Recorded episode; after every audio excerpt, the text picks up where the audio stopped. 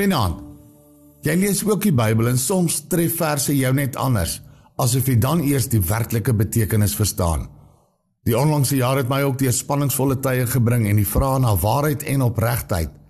Willens en wetens het ek ook gewaag waar engele sou huiwer. Mense ontmoet, gehelp waar ek kon. Alles het net met woorde en liefde deur aanvaarding, selfs konfrontasie met afleidings en idees van ander. Tussen heidene en dronkaars, kerklooses en sondaars sou so baie ander beskuldigings kon gooi. Dan wonder ek self hoekom Jesus sou verwag het dat herder 99 skape los en na een gaan soek. Die sommetjie maak nie sin nie, behalwe as hy seker was hulle is veilig. Nou met die lees van Psalm 23, Jesegiel 34 en Sagaria 11 vers 17, dan is dit te betwyfel of die 99 werklik veilig was. Dis hy steeds deur die herder beskerm as gevolg van geloof in sy genadekraal.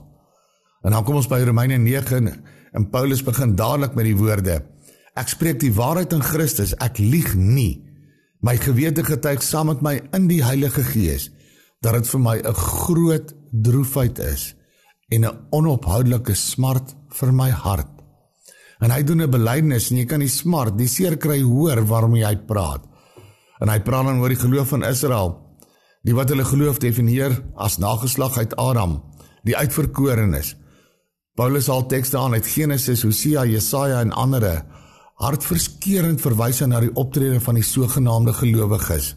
Mense beheer gekondisioneer deur eie afleidings.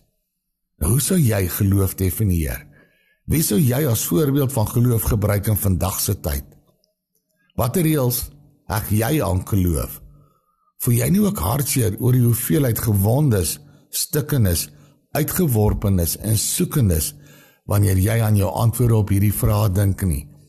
En Paulus sluit af en ek lees die 83 vertaling. Wat is dan nou ons gevolgtrekking? Dit. Die heidene het nie God se vryspraak gesoek nie, maar dit wel gekry. Die vryspraak deur die geloof. Israel daarenteen het 'n wet gesoek waardeur hulle God se vryspraak sou kon kry, maar by so 'n wet het hulle nie uitgekom nie. En waarom kon hulle nie by die vryspraak uitkom nie? Omdat hulle nie op die geloof wou bou nie, maar op hulle eie prestasies.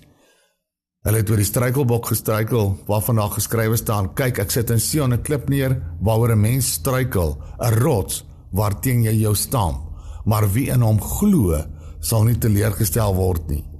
dan mag jy nie teen die rots vasloop nie, maar deur jou geloof in die rots jou lewe leef. Christus Jesus is as God ons hoop en verlosser. Glo dit en gun dit ook vir ander. Hy bly ons rots. Amen. Nagse Here.